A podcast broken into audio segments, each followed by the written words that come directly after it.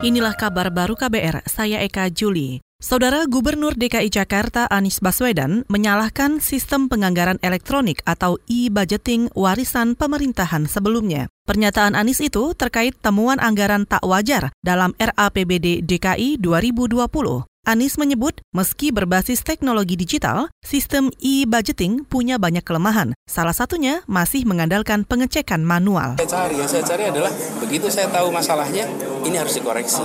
Karena ini mengandalkan manual, ngeceknya pun harus manual. Kalau ngeceknya manual akan selalu berulang seperti ini.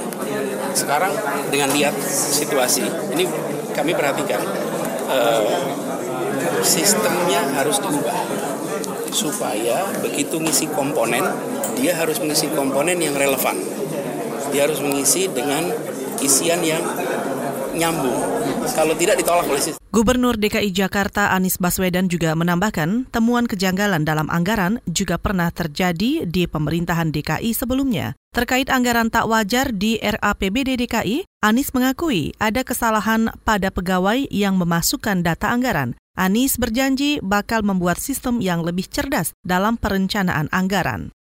Terkait hal itu, Menteri Dalam Negeri Tito Karnavian berjanji mengevaluasi APBD DKI Jakarta terkait temuan beberapa anggaran siluman. Meski demikian, menurut Tito, evaluasi itu harus menunggu mekanisme internal di DKI Jakarta, yakni pembahasan antara pemerintah daerah dan DPRD. Jika sudah dilaporkan ke Kemendagri, Tito bisa mencoret alokasi anggaran yang dianggap tidak tepat sasaran. Sarannya Pak?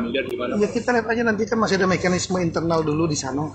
Ya, ada ada inspektoratnya, ada kajian di DPRD-nya, kita belum mengintervensi sampai ke sana. Tapi RAPBN-nya belum dimasukkan ke Kemendagri untuk dievaluasi, Pak. Ya, nanti rancangannya. Masuk, nanti kita akan lihat. Tapi sejauh ini belum masuk. dari Mendagri Pak soal Menteri Dalam Negeri Tito Karnavian enggan berkomentar banyak soal temuan anggaran tak wajar di APBD DKI Jakarta. Sebelumnya, anggota fraksi Partai Solidaritas Indonesia atau PSI di DPRD DKI, William A. Sarana, membeberkan temuan sejumlah anggaran tak wajar dalam dokumen anggaran yang dibuat pemerintah Provinsi DKI. Anggaran itu mulai dari pembelian lem Aibon senilai 82 miliar rupiah hingga pembelian bolpen 124 miliar rupiah. Dokumen itu sempat diunggah di situs APBD DKI sebelum kemudian dihapus. Gubernur DKI Jakarta Anies Baswedan menyebut ada kelalaian dalam input data. Anies juga menyalahkan sistem penganggaran elektronik saat ini yang merupakan warisan gubernur sebelumnya.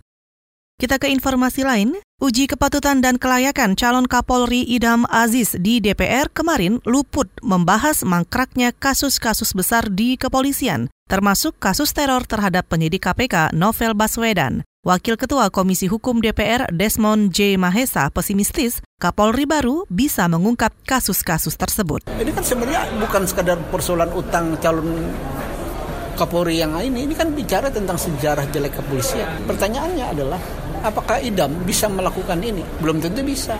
Buat apa kita pertanyakan lagi? Ya? Karena Jokowi sendiri tidak bisa memberikan solusi atas kasus novel misalnya. Wakil Ketua Komisi Hukum DPR Desmond Mahesa menganggap kasus novel semestinya diselesaikan langsung oleh Presiden Jokowi. Apalagi Jokowi sebelumnya berjanji menyelesaikan kasus novel. Presiden juga mengajukan nama Idham Aziz sebagai calon tunggal Kapolri untuk menggantikan Tito Karnavian. Tito kini menjabat Menteri Dalam Negeri. Saudara klub sepak bola Chelsea harus rela tersingkir lebih awal di ajang Piala Liga Inggris setelah takluk dari Manchester United dengan skor 1-2.